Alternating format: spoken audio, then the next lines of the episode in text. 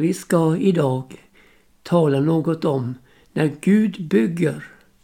Och så här redan från början vill jag ta med från psalm 127, den första versen, för att riktigt slå fast vad det handlar om.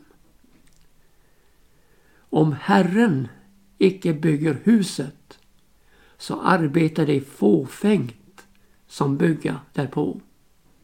Om Herren icke bevarar staden så vakar väktarna fåfängt. Av bibelordet här förstår vi hur oerhört viktigt det är att Herren bygger huset. Allt annat är fåfängt och nytteslöst. Det innebär ju inte att du och jag inte får vara med att bygga. Vi får vara Guds medarbetare. Men också ha klart för oss att det är Herren som står för bygget. Och då blir det viktigt att inte på godtyckligt sätt bygga utan följa ritningen, mönsterbilden som Gud har gett oss i sitt ord. Och låt oss också stå fast att utan Jesus kan vi ingenting göra. Var var nu Guds första bygge här på jorden? Hör och häpna. Det var Eva, Adams hustru. Det heter i Första Moseboks andra kapitel och den sjunde versen. Och Herren Gud danade människan av stoft från jorden och inblåste livsande i hennes näsa. Och så blev människan en levande varelse.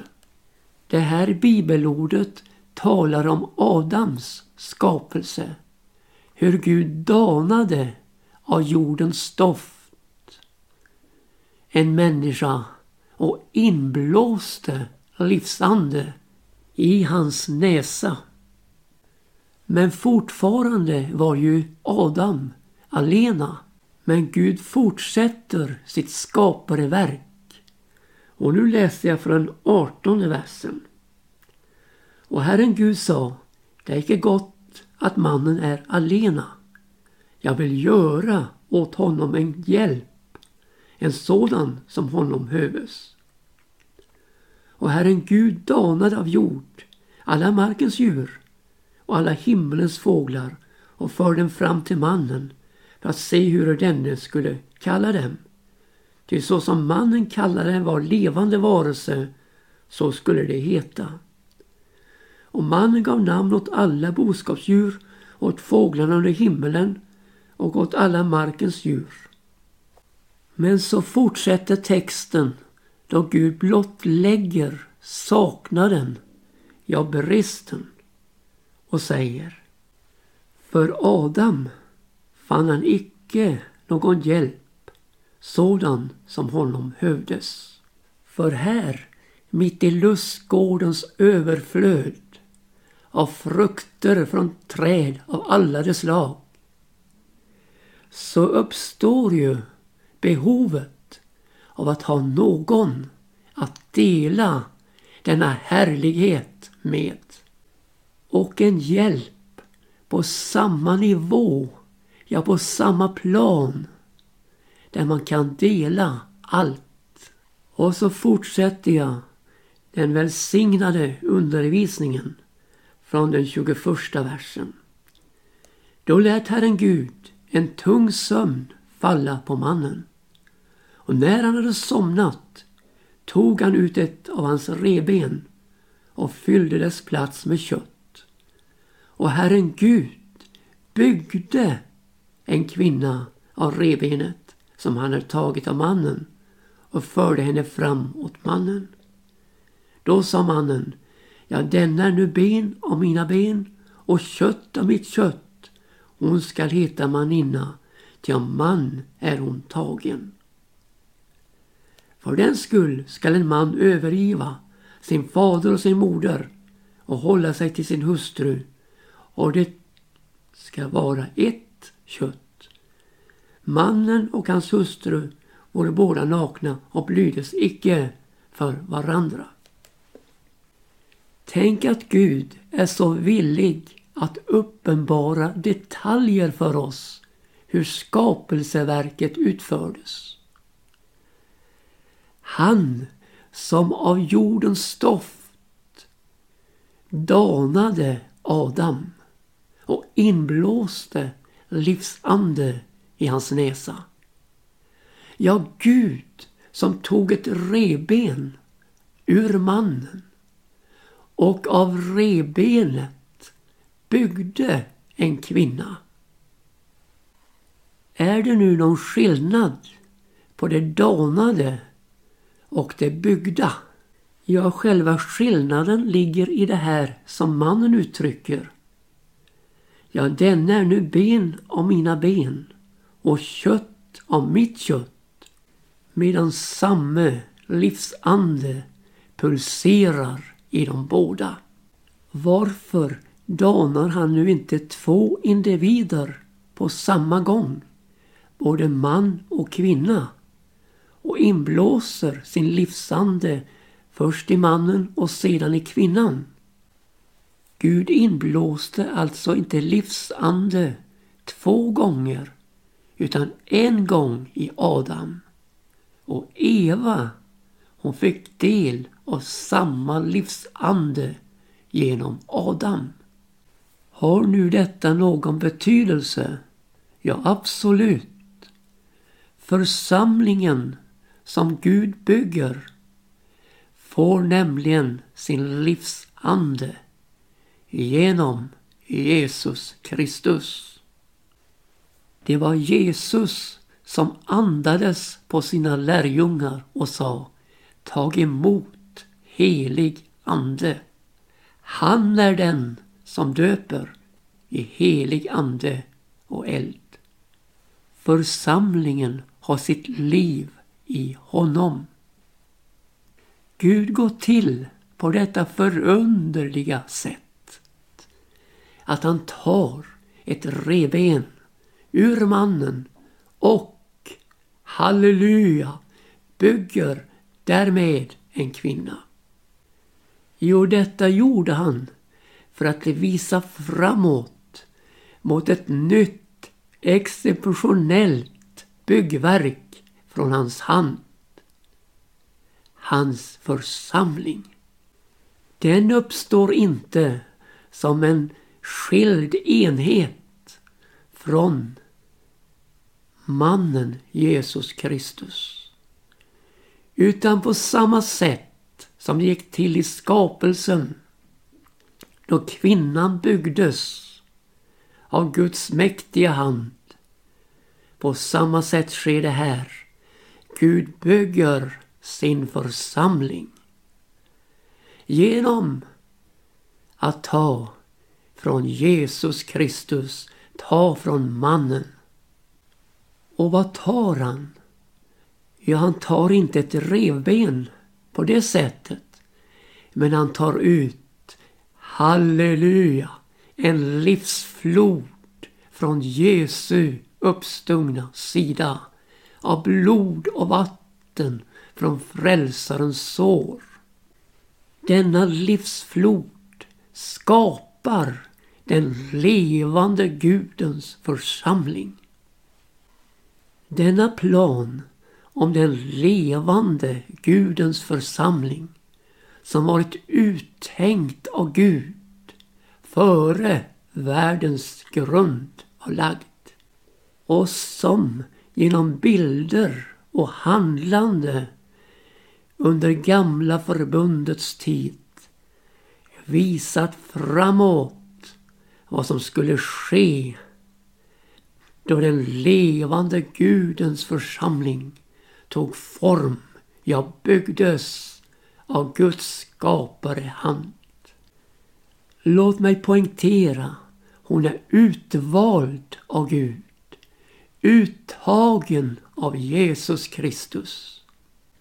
Och det blir hans kropp, Jesu Kristi kropp, hon, församlingen, får gestalta i tiden. Ja, ben av hans ben, kött av hans kött och en livsflod utsprungen ur Jesu uppstungna sida. Det är byggnadsmaterialet Gud använder för sin församling. Och i Guds byggnadsmaterial av sin församling innegår inget dött material. Nej, allt sammans är taget ut från den levande Gudens son Jesus Kristus. Han som är uppståndelsen och livet. Och nu läser jag från första Petrus brevs andra kapitel och fjärde vers. Och kom till honom, den levande stenen, som väl av människor är förkastad, men inför Gud är utvald och dyrbar. Och låt er själva som levande stenar uppbyggas till ett andligt hus så att det blir ett heligt prästerskap som ska frambära andliga offer, vilka genom Jesus Kristus är välbehagliga för Gud. Vi får alltså komma till honom, Jesus Kristus, den levande stenen, för att levande göras, för att kunna ingå i detta bygge som Gud gör. Alltså inget dött material men där vi får vara levande stenar, levande jorda av Jesus Kristus. För att passa in i Guds byggnad. Och så fortsätter texten att tala om denna levande sten som Jesus utgör som en hörnsten. Och vad är en hörnsten? Jo, det är därifrån all byggnad utgår för att få de rätta riktlinjerna. För att få de rätta vinklarna på bygget. Och jag läser då vidare. Det heter nämligen på ett ställe i skriften. Så jag lägger i Sion en utvald, dyrbar hörnsten. Och den som tror på den skall icke komma på skam. För er som tron är stenen alltså dyrbar. Men för sådana som icke tror har den sten som byggningsmännen förkastade blivit en hörnsten. Som är en stötesten och en klippa till fall eftersom de icke hörsamma ordet stötade sig så var det dock bestämt om dem. Ja, byggningsmännen, de har varit vid den här hörnstenen, Jesus Kristus, och förkastat den i otro. Men Gud, han har lagt den i Sion som en utvald, dyrbar hörnsten. Och det heter då så underbart att den som tror på den skall icke komma på skam. Här går alltså en skiljelinje mellan byggningsmännens utväljelse och Guds utväljelse av sin son Jesus Kristus. Att bli försoningen för våra synder. Och därvid levandegöra oss till ett byggmaterial, ett levande byggmaterial som han kan använda i sitt bygge. Det kan inte nog poängteras detta med livet i Guds bygge. Eva, hon var ju lika levande som Adam. Och församlingen behöver vara lika levande som Jesus. Då hans liv blir vårt liv. När lärjungarna tillsammans med Jesus gick ut ur helgedomen i Jerusalem så berättas det i Matteus 24 att lärjungarna trädde fram och bad Jesus om att ge akt på helgedomens byggnader. Då svarade han, Jesus alltså, och sa till dem Jag ser nu allt detta, men sannerligen säger jag er, här skall icke lämnas sten på sten. Allt ska bli nedbrutet. Och varför skall nu inte dessa stenar bestå detta bygge? Jo, det är ju trots allt dött material. Men fick sin chans att ombytas till levande stenar när Jesus kom och drog fram. Icke tempel gjorda med händer men levande gjorda människor. Hur menar jag nu? Jo, jag menar istället för dessa stenar så blir det en belägringsvall från fiendens sida och en ödeläggelse av staden. För det är så här som vi läste från psalm 127. Om Herren icke bevarar staden så vakar väktaren fåfängt. Ja, Jesus han gråter över staden som så krampaktigt håller fast vid de gamla stenarna och förkastar hörnstenen som Gud själv har lagt i Sion. Jag läser från Lukas 19 och 41. Då Jesus nu kom närmare och fick se staden begynte han gråta över den och sa O att du idag hade insett också du vad din frid tillhör. Men nu är det fördolt för dina ögon. Ty den tid ska komma över dig då dina fiender skall omgiva dig med belägringsvall och innesluta dig och tränga dig på alla sidor. Och det ska slå ner dig till jorden tillika med dina barn som är i dig. Och det skall icke lämna kvar i dig sten på sten. Därför att du icke aktade på den tid då du var sökt.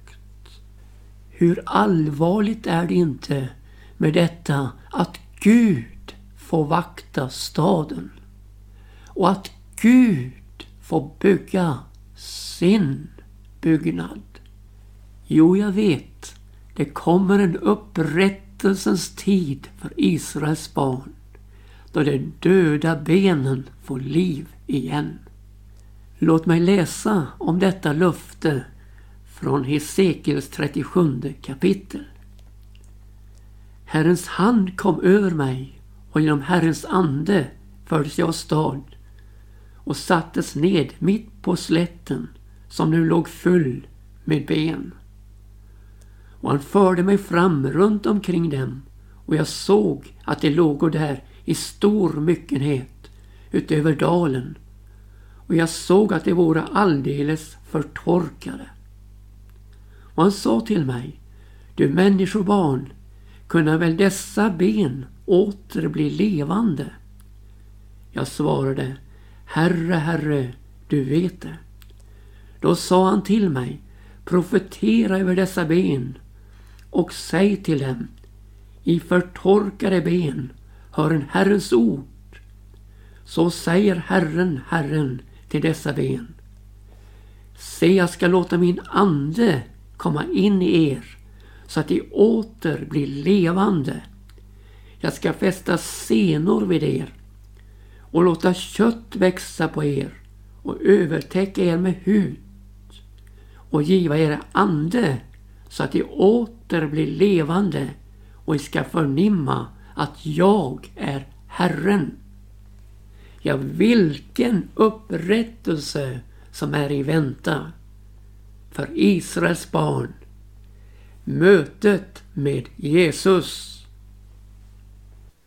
Ja, förebilderna har haft sin tid och Gud har använt dem för att åskådliggöra vad han tänkte göra. Men församlingen, den har evigheten i sig. Ja, det eviga livet. Hon är en gäst och främling här i tiden. Men hon har en hemortsrätt. Ett medborgarskap i den himmelska världen. I Uppenbarelsebokens 21 kapitel och den nionde versen. Där möter oss Lammets hustru och hon utgör ett underbart byggverk från Guds sida. Jag läser Kom hit så ska jag visa dig bruden, Lammets hustru. Och han förde mig i anden och stad upp på ett stort och högt berg och visade mig den heliga staden Jerusalem som kom ned från himmelen från Gud med Guds härlighet. Den glänste likt den dyrbaraste ädelsten. Den var så som kristallklar jaspis. Den hade en stor och hög mur med tolv portar och vid portarna stod tolv änglar och över portarna var skrivna namn. Namnen på Israels barns tolv stammar. I öster var tre portar, i norr var tre portar, i söder tre portar och i väster tre portar. Och stadsmuren hade tolv grundstenar och på den stod tolv namn, namnen på Lammets tolv apostlar. Här presenteras alltså Guds församling som det nya Jerusalem som kommer ned från himmelen. Ja, färdigsmyckad som en brud är prydd för sin brudgum. Det ofullkomliga har försvunnit och det fullkomliga har trätt fram. I denna fullkomlighet som vi möter i brudens framträdande som den nya Jerusalem. Där möter oss längd, bredd och höjd med samma mått på alla dimensionerna.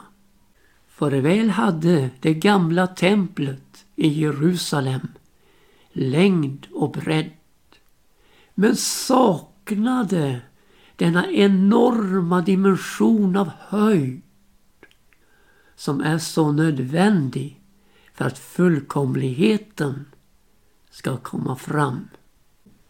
Men nu vill jag läsa vidare om mannen med mätstången. För texten fortsätter. Och han som talade med mig hade en gyllene mätstång för att därmed mäta staden och dess portar och dess mur. Och staden utgjorde en fyrkant och dess längd var lika stor som dess bredd. Och med stången mätte han staden. Dess mått var 12 000 stadier. Dess längd och bredd och höjd var lika. Och han mätte dess mur den var 144 alnar efter människors mått som och är änglars. Och stadsmuren var byggd av jaspis men staden själv var av rent guld likt rent glas. Stadsmurens grundstenar var skönt lagda och utgjorda av alla slags ädelstenar. Den första grundstenen var en jaspis. Den andra en safir. Den tredje en kalcedon. Den fjärde en smaragd. Den femte en sanoyx, Den sjätte en karminol. Den sjunde en krysolit. Den åttonde en beryll. Den nionde en topas. Den tionde en krysopras. den elfte en hyacint, den tolfte en ametist. Och de tolv portarna utgjordes av tolv pärlor. Var särskild port utgjordes av en enda pärla. Och stadens gata var rent guld, likt genomskinligt glas. Ja, min vän, här möter oss fullkomligheten i dess fulländning. Och jag fortsätter läsningen. Och jag såg i den intet tempel. Ty Herren Gud, den allsmäktige, är dess tempel, han och lammet. Och staden behöver icke sol eller måne till att lysa där. ty Guds härlighet upplyser den och dess ljus är lammet. Av folken ska vandra dess ljus och jordens konungar föra dit in vad härligt de har. Dess portar skall aldrig stängas om dagen. Natt skall icke finnas där. Vad härligt och dyrbart folken har ska man föra dit in. Men intet orent ska någonsin komma dit in och ingen som gör vad styggeligt är och lögn utan han läses det som är skrivna i Livets bok, Lammets bok. Tänk att Guds församling ska nå fullkomningen efter att alla brister har blivit åtgärdade. Är det inte helt underbart? När du och jag lever i en ofullkomlig värld med allt vad det innebär och se framåt, se uppåt, ja se hemåt och se denna underbara härlighet som strålar fram i evighetens värld. Åh, det skall bli härligt för mig, härligt för mig, härligt för mig. Frälsaren